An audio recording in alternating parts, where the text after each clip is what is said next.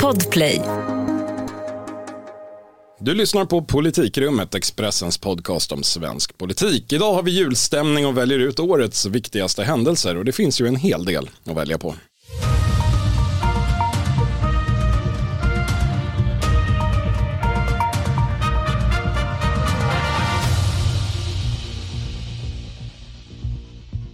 Ja, det är tisdag den 21 december och det vore väl fel att säga att julfrid råder i svensk politik men här på det trettonde sammanträdet i politikrummet så är stämningen i alla fall god, eller hur Helena Gissén? Jajamensan. Mm, Thomas Nordenskjöld, invändningar? Nej, allt förträffligt. Själv heter jag Viktor Bartkron och jag trivs också mycket bra. Trevligt. Det här är årets sista avsnitt av Politikrummet och som traditionen bjuder så ska vi då försöka sammanfatta det år som har varit. Och det har ju hänt en del. Det har varit ett ganska speciellt år, inte minst mot slutet. Alltså istället för att ta oss igenom exakt allt som har hänt så tänkte jag att vi skulle välja varsin händelse under året som vi ser som särskilt betydelsefull. Så det har vi gjort. Var det svårt? Nej, det var lätt. Var det? Ja, det fanns hur mycket som helst att välja på. Ja men det är just det jag menar kunde vara problemet. Ja, ja det har du rätt i. Nej, men det, det var inte svårt. Nej, vad bra. Men eftersom jag är programledare så tar jag mig friheten att börja. Och då ska vi ly- lyssna på ett klipp från den 22 juni. Det är inte ett lätt besked som jag ger här idag. Det, det förstår jag. Men någon måste stå upp för Sveriges hyresgäster. Det var alltså Nooshi Dadgostar som meddelade att Vänsterpartiet saknade förtroende för statsminister Stefan Löfven och skulle agera för att avsätta honom. Ingen borde ju ha varit förvånad när det här hände, tänker jag. Vänsterpartiet gjorde det de har sagt att de skulle göra. De hade sagt det gång på gång under två och ett halvt år. Men ändå så var det som att alla var förvånade ändå. Särskilt regeringen och dess samarbetspartier. Eh, var det någon slags optimistisk bias eller hur, hur tolkar du det där Helena? Ja, eller håller du det- ens det- med om beskrivningen? Det är ju inte jättekonstigt för att eh, jag tycker att nästan alla bedömare alltid har tagit för givet att Vänsterpartiet är en dörrmatta. Det var ingen som trodde på Jonas Sjöstedt, eller ingen ska jag inte säga, men det var få som trodde på Jonas Sjöstedt när han drog upp Vänsterpartiets röda linjer. Så att folk har på något sätt bara tagit för givet att det de säger gäller inte. Jag håller med om att det är ganska konstigt egentligen. Sen kan man säga att eh, det, det är ju, frågan är ju om Jonas Sjöstedt verkligen hade verkställt det. Det finns ju en del internt, man pratar med dem i, i, i partitoppen som menar att det, de in, sannolikt inte hade gjort det om Jonas Sjöstedt hade suttit kvar utan att det här skiftet eh, har betytt mycket och att Socialdemokraterna har varit dåliga på att eh, inse vad det har fört med sig. Det har ju fört med sig ganska mycket. Alltså vad, vad det gällde i sak var alltså förslaget om fri hyressättning i nyproduktion av Vänsterpartiet kallat marknadshyror, vilket var en punkt i januariavtalet. Vänsterpartiet krävde att eh, regeringen skulle dra tillbaka det förslaget eller åtminstone lova att inte lägga det, men de fick inte gehör och så gick det som det gick. Och det här var alltså i juni i somras. Ja, det var 22 juni och det, jag väljer det här därför att det på något sätt är det årets urhändelse. Det är ur, ur det här kommer liksom stora effekter både på kort och på lång sikt. Och på kort sikt i, ja, i, termer av 2021 så startar ju det här en serie av händelser som på något vis fortfarande pågår. Januariavtalet, upp, ja, dels avsätter man ju faktiskt statsministern här då. Det en detalj. En liten detalj, ja. ja men på sätt och vis en detalj eftersom samma gubbe återkom ganska snabbt. Men, men det var ändå större konsekvenser än så. Januariavtalet upplöstes eh, när Liberalerna lämnade i någon form av protest slash man tog chansen när det här hände.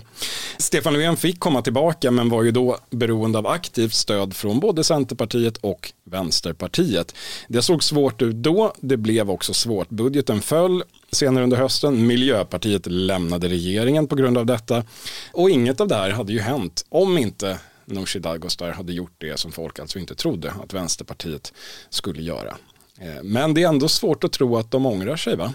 Ja, alltså det är ju också en händelse i sig att hon har positionerat sig som en stenhård förhandlare, en tuffing. Ja, men det har ju alldeles uppenbart belönats också. Väljarna, väljarstödet har ju ökat och förtroendesiffrorna för henne har ju skjutit i höjden. Så det, man måste ju ändå säga att det har varit en, eh, en, en framgång. Det där är intressant för det, när det här pågick så minns jag det som att, eh, apropå felaktiga prognoser, som att det beskrevs som en stor risk. Eh, retoriken från Socialdemokraterna var stenhård, man lierade sig med Sverigedemokraterna, hotade demokratin eller ja, ungefär något i den, i den stilen och det, det sades vara en stor risk för att Vänsterpartiets väljare vill ju ha en socialdemokratisk statsminister. Ja, men det visade sig också att de föredrog en socialdemokratisk statsminister som drev en något mer socialdemokratisk politik kan man säga. För de stora effekterna på lång sikt av det här samtidigt är ju att ingen tror längre på att det någonsin ska kunna bildas någon slags mittenregering eh, där, som leds av Socialdemokraterna och därmed kan luta sig på Vänsterpartiets tysta medgivande. Den, den, den idén som ju var bärande i hela januariavtalskonstruktionen är numera stendöd. Och som du var inne på Thomas, det här sades vara riskabelt för Vänsterpartiet men effekten har blivit den motsatta. Partiet har goda siffror. Nooshi Dadgostar har gått på ett år från eh, i princip helt okänd till en av Sveriges mest populära partiledare. Och jag tycker det är intressant att notera, de röda partierna alltså Socialdemokraterna och Vänsterpartiet, avslutade det här året eh, betydligt starkare än man gick in i det opinionsmässigt. Det är alltså inte så att den enas död nödvändigtvis har varit den andras död. Utan Socialdemokraterna vinner väljare från Centern, från Miljöpartiet, till och med från Moderaterna nu på slutet. Vänsterpartiet ja, tar väl i första hand socialdemokratiska väljare, men, men summan av det hela är, är ökande. Man är över 40 procent tillsammans. Det, det finns ju någon slags eh, sympatisk grej ur ett rent demokratiskt eh, hänseende också, nämligen att, att mandaten räknas helt enkelt. Eller hur? Ja, men jag tror att det, det var ju när, när Nooshi Dadgostar stod där i, och höll presskonferenser och förklarade sin linje så tror jag att hon, då åberopade hon ju ganska så grundläggande saker som att så här, ska en eh, liksom uteslutas inte vara med? Det var lite så här, eh, liksom, ja, med skolgårdsmetaforer som användes på ett ganska, ganska framgångsrikt sätt som alla kunde relatera till på något sätt tror jag. Så det var, det var, eh, och så fick hon ju hjälp, det var ju, ska man inte heller glömma, att Moderaterna hade ju alla intressen av att tvinga in Vänsterpartiet i det här samarbetet så att det var, de eldades ju på från alla möjliga håll. Ja, för effekten är ju just den att nu har det i praktiken, även om Centerpartiet gör sitt bästa för att blockera eh, åt båda håll, så, så, har ju, så har ju effekten av detta blivit att vi i praktiken nu har en ny nygammal blockpolitik. Där från att ha varit en situation där varken Sverigedemokraterna eller Vänsterpartiet skulle räknas så räknas numera både Vänsterpartiet och Sverigedemokraterna in på ändra sidan och har en röst vid bordet.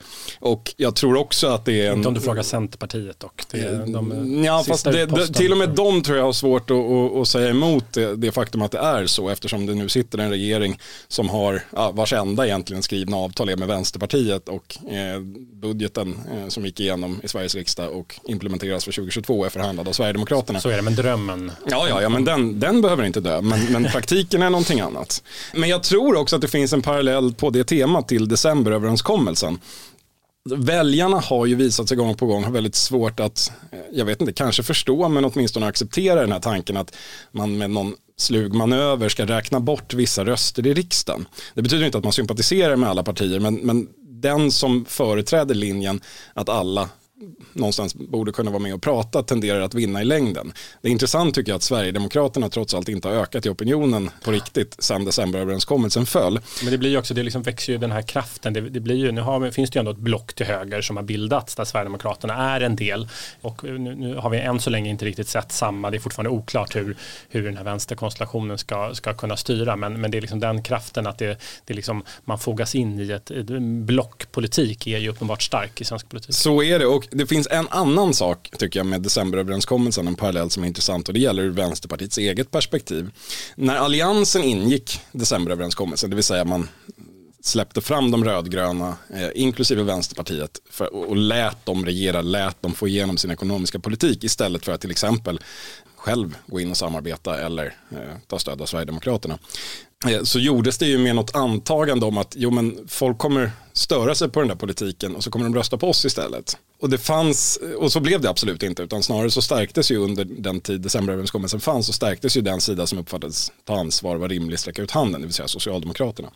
Eh, Lite samma intention fanns faktiskt från Vänsterpartiets sida. Det var många vänsterpartister som där runt 2018-19 pratade om att jo men det här var ganska bra ändå trots att vi blev förolämpade och inte får vara med. Eh, därför att nu kommer alla se att Socialdemokraterna har blivit ett nyliberalt parti som driver Centerpartiets politik och så kommer de rösta på oss istället. Det där blev inte effekten. Utan de gånger Vänsterpartiet har lyft i opinionen under de här åren har ju varit, som Helena var inne på, när man har tagit strid för sin politik, för, för vänsterpolitik mot regeringen och ytterst genom att fälla regeringen. Man ska inte heller glömma att Vänsterpartiet var ju liksom centralt i det här med att den här normaliseringen som har skett av Sverigedemokraterna, där var det faktiskt Vänsterpartiet har ju varit med de gångerna man har kört över januaripartierna. Det är de gångerna där, där Moderaterna fått ihop en uppgörelse där både Vänsterpartiet och Sverigedemokraterna ingår. Så Exakt. att Vänsterpartiet var ju, liksom har ju ändå varit en del i, den, i, i, i det som också är ett väldigt stort ske, skede ändå får man säga. Skeende och de har ju klarat argumentationen också faktiskt. Alltså, de har ju fått väldigt många frågor från journalister om just detta. Sanktionerar inte ni Sverigedemokraterna genom att gå ihop med högeroppositionen om mer pengar till kommuner och regioner till exempel och allt vad det har varit då. Men de har ju klarat den argumentationen bra. De har ju sagt att ja, men, se här, den regering som vi har nu är mer höger. Alltså de har ju de, men, de men just, verkligen, och just den här linjen att man inte, det är ju så att liksom Socialdemokraterna har ju försökt spela ut det där mot Vänsterpartiet, men, men, men, just den linjen att man inte ska driva igenom sin egen politik för att Sverigedemokraterna råkar tycka samma, den är ju totalt omöjlig politiskt, det har det visat sig gång på gång här. Också den idén att man skulle stoppa Sverigedemokraternas inflytande genom att avskaffa vänstern som alternativ i svensk politik var ju alltid lite märklig och nu är den upplöst. Så en stor händelse, eller en liten händelse kanske, men med väldigt stora ringar på vattnet. Så är det kan vi väl sammanfatta det där. Ja, verkligen. Ja, vi rusar vidare och eh, nu är det du Thomas som har gjort ett eh, val ur den rika floran av nyheter är som är 2021. Då ändrar vi tillbaka till den 26 mars och lyssnar på detta. Vi lever i en verklighet vi har. Vi anpassar oss till den realitet som finns i riksdagen. Och är det så att man inte vill ha socialdemokratisk maktinnehav för lång tid framåt då måste man hitta andra sätt. Det ligger i Socialdemokraternas intresse att skrämma med Sverigedemokraterna.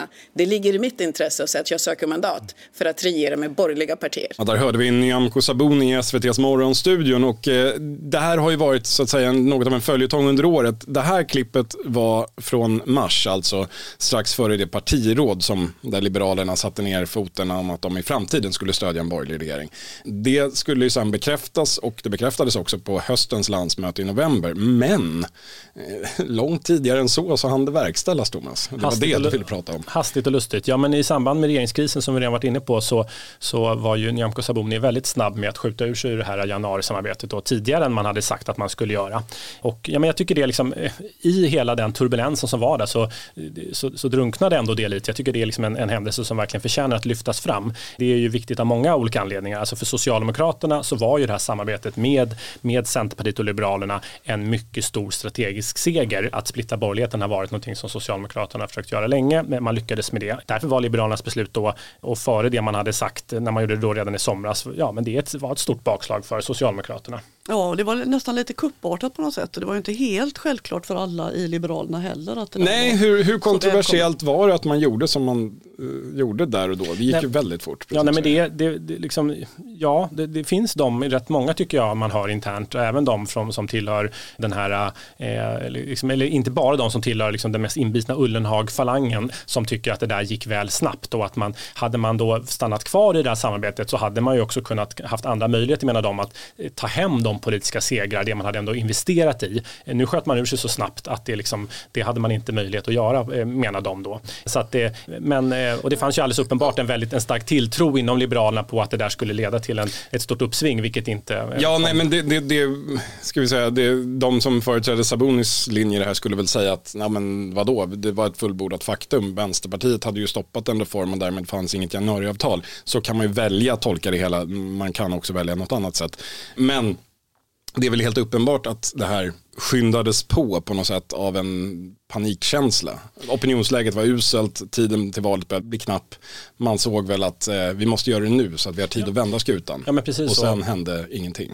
Nej, nej, men om något så har man ju då eh, sjunkit ännu mer opinionen efter det här. Men, men sen är det ju så här, för när man pratar med ledande moderater till exempel, de, de, de tycker att det här var liksom en oerhört viktig och kanske en avgörande händelse. Och eh, att, ja men det fick ju till det fick ju en konsekvens, en omedelbar konsekvens var ju ändå att Socialdemokraternas då mittensamarbete havererade. Eh, Centerpartiet finns ju kvar där eh, som någon form av regeringsunderlag men de har ändå de facto brutit samarbetet, budgeten föll och hela den här liksom, eh, idén med att isolera ytterkanterna den, den, den, den följer också. Och nu har vi det som jag pratat om med Vänsterpartiet som finns med där och det finns en helt annan press på Centerpartiet idag, de är mycket mindre bekväma i detta att vara en del av det där utan Liberalerna och med Vänsterpartiets aktiva stöd. Och det där är ju jätteviktigt för Moderaterna.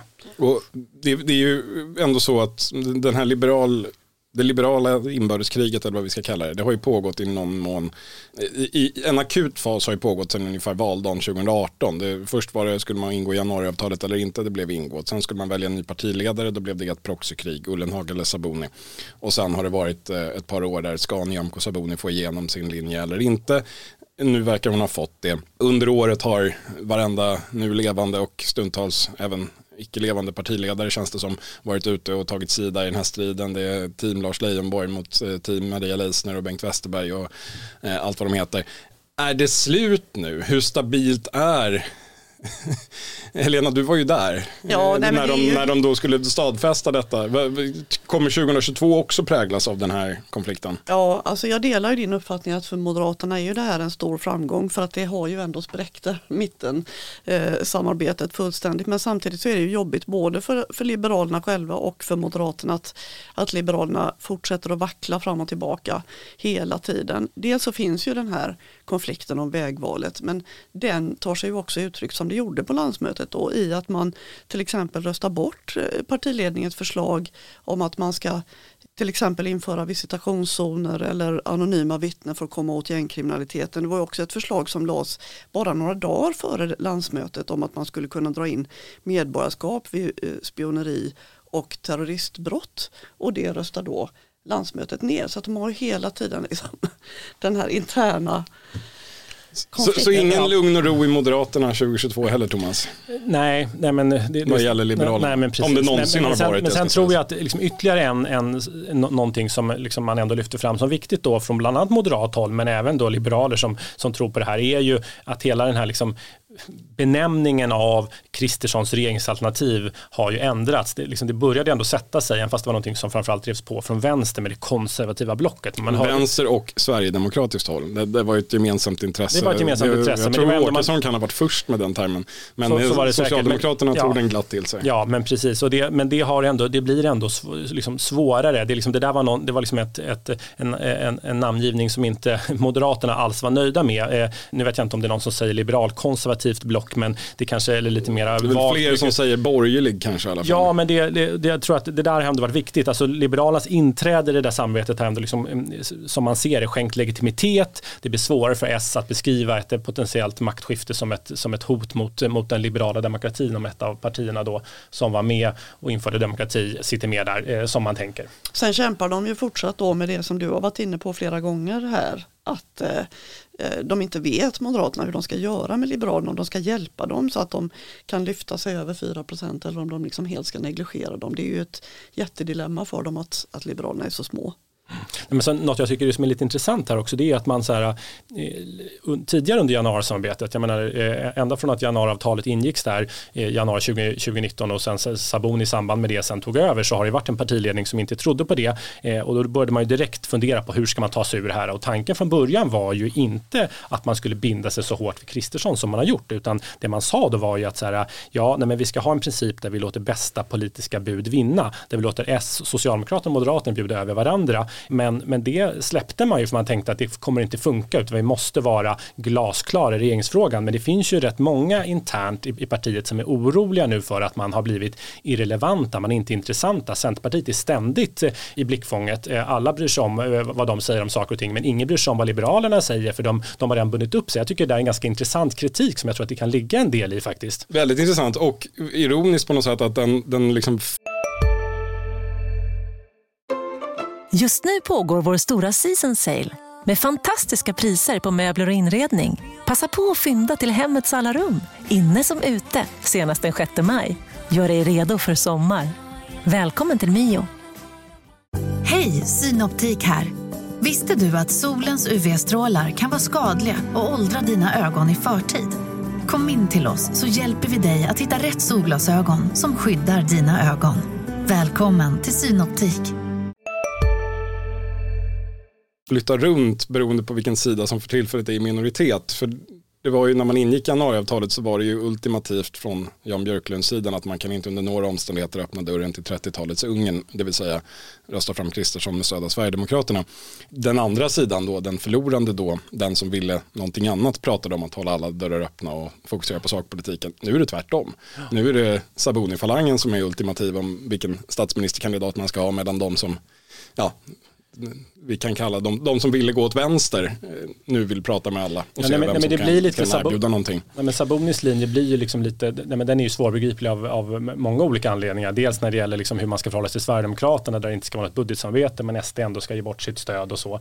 Men, men det, Men samtidigt så är väl det stora dilemmat för Liberalerna är väl att de inte kan komma sams och dra åt samma håll. Är det inte så? Jag menar att det är så många tunga företrädare som hela tiden går ut och obstruerar mot Ja. Nej, men nu, partiledningens verkligen, nu tror jag att det är, nu är det, liksom, nu har man ju på något sätt slutit leden och det är verkligen om något är väl ett, liksom ett kris, kristecken att så här, de, Men har man det utåt? Jo men jag skulle ändå säga att när man, det, det är liksom, Med, med liberala mått. Med liberala mått mätt så är det ändå så här, är det lugnare än det varit på länge. Men det är ju för att de är på väg ut ur riksdagen, att det verkligen är så här, det har verkligen sjunkit in. Det håller på att gå riktigt illa detta och eh, de tänker att om vi väl åker ut kommer vi aldrig komma tillbaka, tycker jag man hör. Så att det, är verkligen mycket som står på spel, men det är ju inte så alls att många, att, att liksom, det finns ju en väldigt stor oro över att Nyamko Sabuni inte kommer fixa det här internt, men man, man, man ligger lågt nu för att man tänker att det går inte, vi kan inte fortsätta med det här krypskyttet. Vi får se hur det går för Liberalerna och för eh, de som har turen eller oturen att få ha med dem att göra i samarbeten framöver.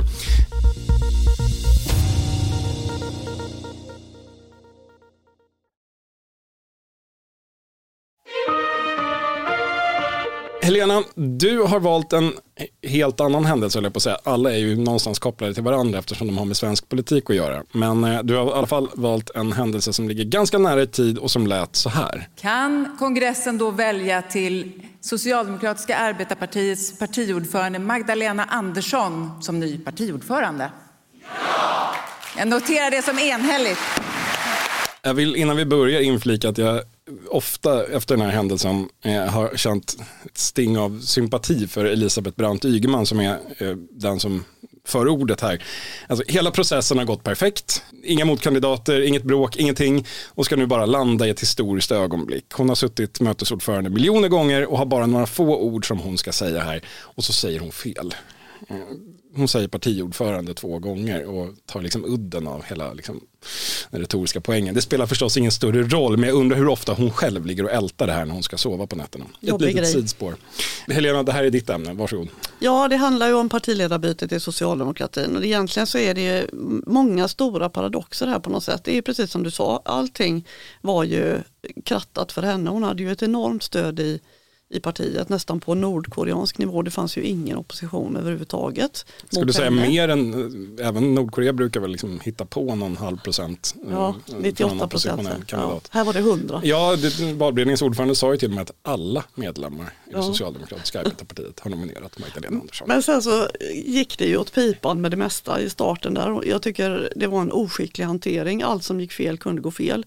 Man gjorde den här uppgörelsen med Vänsterpartiet och Nooshi Dadgostar och Andersson om inflytande för Vänsterpartiet och om eh, 1000 kronor mer i månaden som eh, Nooshi Dadgostar inte missade ett enda tillfälle att eh, prata om och där ta åt sig ära episka, för. episka Aktuellt-sändningen när, eh, när Nooshi satt i Nooshi Dadgostars Aktu- Aktuellt-studion och Magdalena Andersson var med via länk med, eh, Med, med hörlur i örat eh, med och, och ett Märta. Stenevi bredvid sig. som aldrig fick ordet. Och så. Nej, han står och stakar sig där. Nej, men hela den där eh, triumfatoriska uppvisningen för Vänsterpartiet den retade ju fullständigt gallfeber på Centerpartiet då.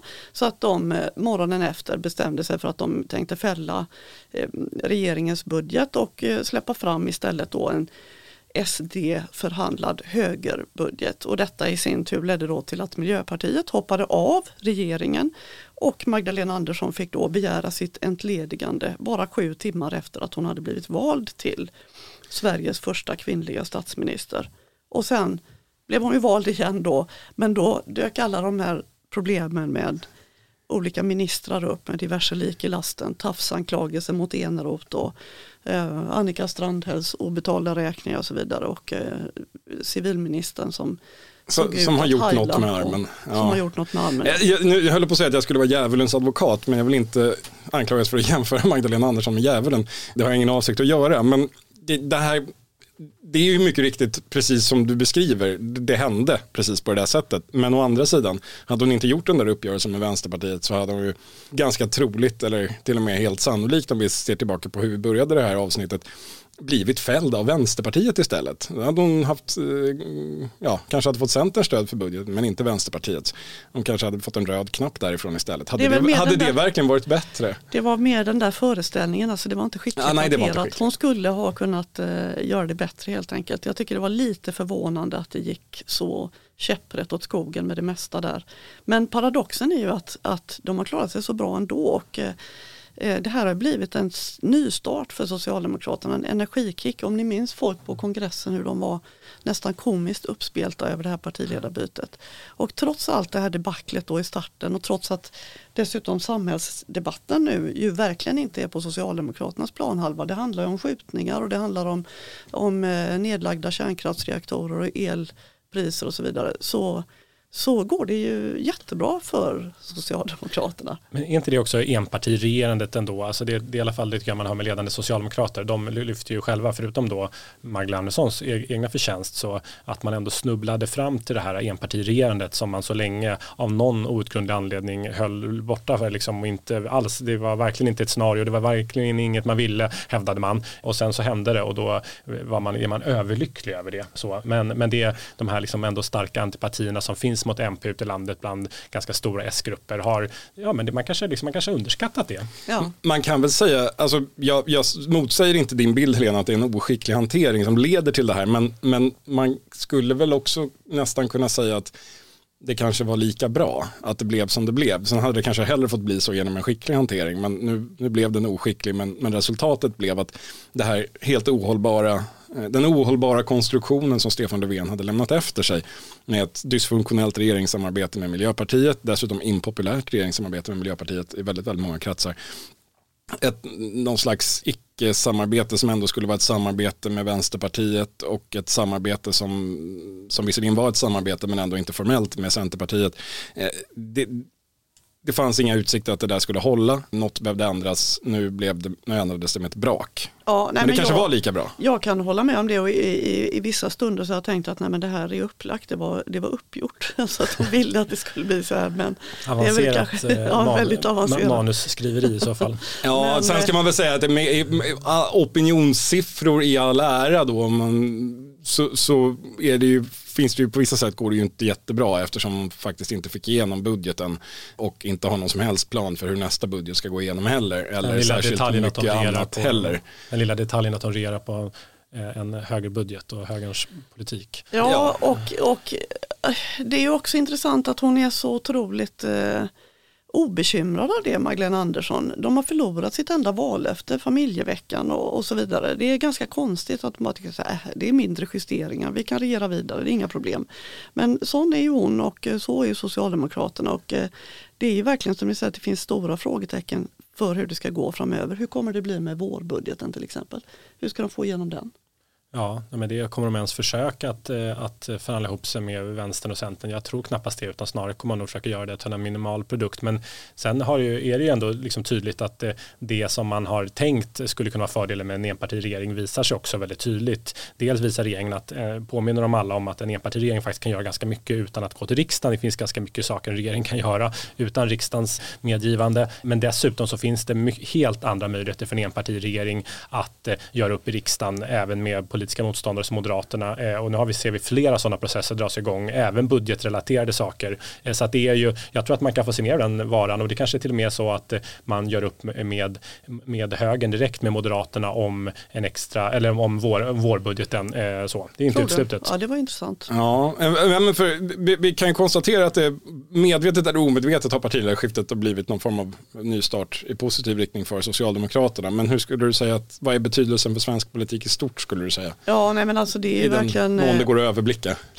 Jag, jag tror så här att eh, eh, Magdalena Andersson är möjligtvis något sämre än vad Stefan Löfven var på att hålla Centerpartiet på gott humör. Å andra sidan så har de valt Mikael Damberg som har varit inne i förhandlingar med Centerpartiet och eh, han är nu finansminister och eh, kan väl ses som någon slags garant ändå för att eh, man ska kunna fortsätta det samarbetet. Men det spretar ju oerhört i regeringsunderlaget. Vänsterpartiet och Centerpartiet försitter ju inte tillfälle att skälla på varandra. Miljöpartiet är jättearga på Centerpartiet för att de fällde budgeten.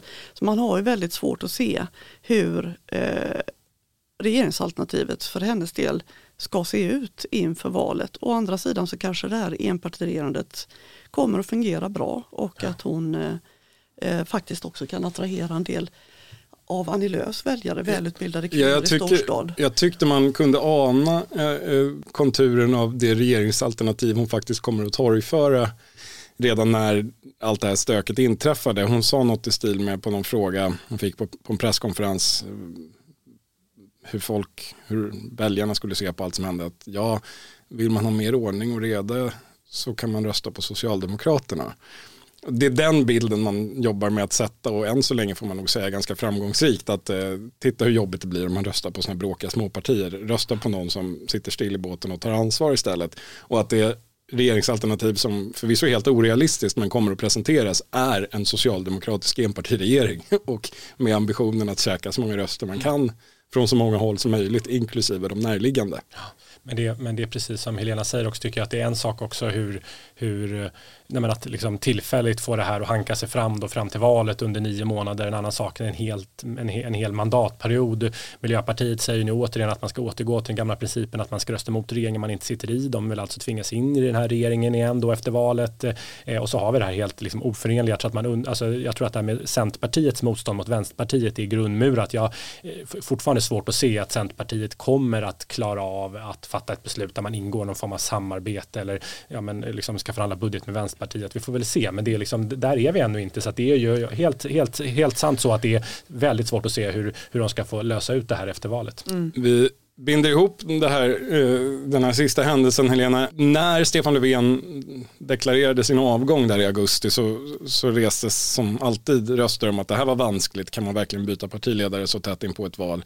Det fanns väl en osäkerhet och med de parlamentariska bryderier som inträffade och sido, det är väl knappast så att Socialdemokraterna, om de var lite nervösa över den omständigheten när, från början, de ångrar inte det här va? Nej, verkligen inte. Gud nej, tvärtom. Ja, därmed nog med återblickar här i årets sista avsnitt av Politikrummet. Vi ska avsluta eh, med något annat som brukar vara populärt så här års, nämligen prognoser. Lite vanskligare eftersom det vi ska prata om då inte har hänt men det kanske kommer att hända. Jag har bett er att välja en sak som kommer att hända nästa år och som blir betydelsefull för svensk politik under 2022. Och jag har naturligtvis gjort samma sak själv. Var det svårare eller lättare än att välja en händelse som faktiskt har hänt vill jag bara fråga först. Mycket svårare. Ja, instämmer i detta. Mm. Lär straffa sig. Mm, precis, nackdelen är att man faktiskt kan bli motbevisad av verkligheten. Men utan eh, risk, ingen spänning. Jag börjar. Följande blir en viktig händelse 2022. Någon gång under sommaren, antingen runt Almedalsveckan i den mån den blir av eller i upptakten till själva valrörelsen, så går Centerpartiet trots allt ut med att man kommer att stötta Magdalena Andersson som statsminister efter valet. Det gör man väldigt motvilligt, ursäkta, eftersom man därmed formellt blir en del av vänsterblocket i svensk politik, åtminstone i valet 2022. Men man gör det med ryggen mot väggen eftersom en serie opinionsmätningar har visat att valet annars kan bli en rysare eftersom man förlorar så in i helsike mycket väljare till Socialdemokraterna. Vad tror ni om det? Jag är skeptisk. måste jag säga. Eh, nej men det, det bryter ju, alltså jag, jag, tror att apropå det här som vi sa tidigare om Liberalerna och, och binda upp sig, att eh, jag tror ändå att eh, Centerpartiet ser, eh, liksom, de, de ser att situationen de har inte är lätt, men, men, men de är ytterst relevanta att binda upp sig på det här sättet innan valet. Jag tror att det är, jag tror att det är vanskligt och de har en så pass betydande grupp eh, väljare som har Moderaterna som, som näst bästa alternativ som man är måna om. Så att det, eh, ja, du säger nej? Jag säger nej. Ja, men jag utesluter inte att det kan bli så faktiskt. Känns mycket bra, då kommer vi kunna säga att politikrummet hade rätt oavsett om detta inträffar eller inte. Vi rusar vidare. Helena, vad kommer att hända 2022 enligt dig? jag tror att eh, Centerpartiet kommer att tröttna på sitt eget eh, prat om den breda mitten som de påstår gång på gång att folket vill ha. Jag tror att de tröttnar på det mantrat. De inser till slut att de eh, har nått vägs ände med detta. Och jag tror att Annie Lööf kommer att vilja bli minister igen någon gång i livet.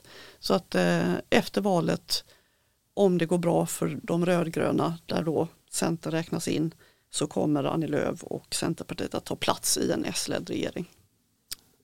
Och vad gör Miljöpartiet då? Ja, de kanske också får vara med. Thomas? Ja, nej, men det, jag har, det här är, ja, nej, men verkligen. Jag tror inte alls att det är uteslutet. Jag, jag är, det, det, det scenariot är att det kommer efter valet är mer, är liksom, ser som mer realistiskt än före. Okej, sista prognosen. Thomas, du var skeptisk till min idé. Berätta då, vad är det som kommer att hända 2022?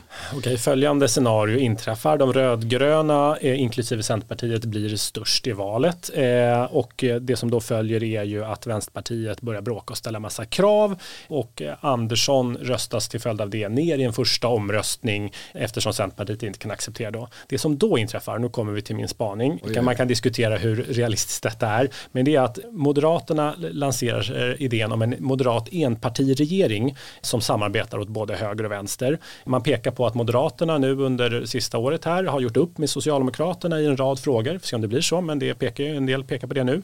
Centerpartiet utlovar samtidigt en borgerlig ekonomisk politik. KD som eh, Kristdemokraterna som Centerpartisterna har svårt för eh, hålls utanför och eh, det slutar med att Centerpartiet eh, trycker gult eh, och eh, säger sig gå i någon form av opposition och så har vi en moderat- Liberal opposition. liberal opposition och så har vi någon form av moderat enpartiregering. Eh, jag vet inte vad ni säger om detta, jag, men det är liksom att själva idén med, med en moderat enpartiregering, jag tycker man hör det en del från borgerliga kretsar, att det där är någonting som det börjar gluckas lite om. Jag tycker det är ganska spännande. Ja, det är något jag har funderat på sedan ungefär oktober 2018 varför Kristersson prompt skulle släppa med sig KD på det här projektet eftersom det gör det mycket mer svåraptitligt för framförallt Centerpartiet och Liberalerna som ju inte heller historiskt delar alla ståndpunkter med KD utan i mycket högre grad med Moderaterna. Men ja, Nej, men eh, liksom en ytterligare bara en parameter i detta som jag tror är en, en förutsättning för att detta ska, ska, ska kunna inträffa är ju att Centerpartiet gör ett oväntat, jag kanske ska lägga till det i det här scenariot, Centerpartiet gör ett oväntat dåligt val, marken skakar under Annie Lööf efter valet, hon börjar ifrågasättas, hon har varit partiledare länge, det kanske till och med kommer avgångskrav. I detta, det är då eh, un- under hård press så, så väljer Centerpartiet till slut eh, med henne eller utan henne att släppa fram en, en, den här moderata enpartiregeringen. spännande. Ja, det är en kul spaning tycker jag. Statskupp i den gröna mittens Nordkorea, tror jag när jag ser det. Hörni, det har varit ett eh, långt år för många, kanske mest för liberaler och miljöpartister, en allt längre höst för centerpartisterna och en eh, men ändå ett, ett spännande politiskt år för att vara ett mellanvalsår i den mån vi ens har sådana nu för tiden. 13 avsnitt fick vi ihop med Politikrummet. Tack för i år Helena Gissén. Tusen tack. Hoppas du har haft roligt. Ja, det har jag haft. Thomas Nordenskjöld. Tackar. Du har gjort eh, stora insatser även du. Jag heter Viktor Bartkron och tackar härmed för oss för i år. Vi är naturligtvis tillbaka, liksom eh, resten av svensk politik, när eh, det nya året gryr. Får vi se om vi har rätt om vad som händer 2022. Den som lever får se, den som lyssnar på Politikrummet får se eller åtminstone höra extra mycket. Fortsätt med det under 2022. Tack till alla er som lyssnat. Hej för i år.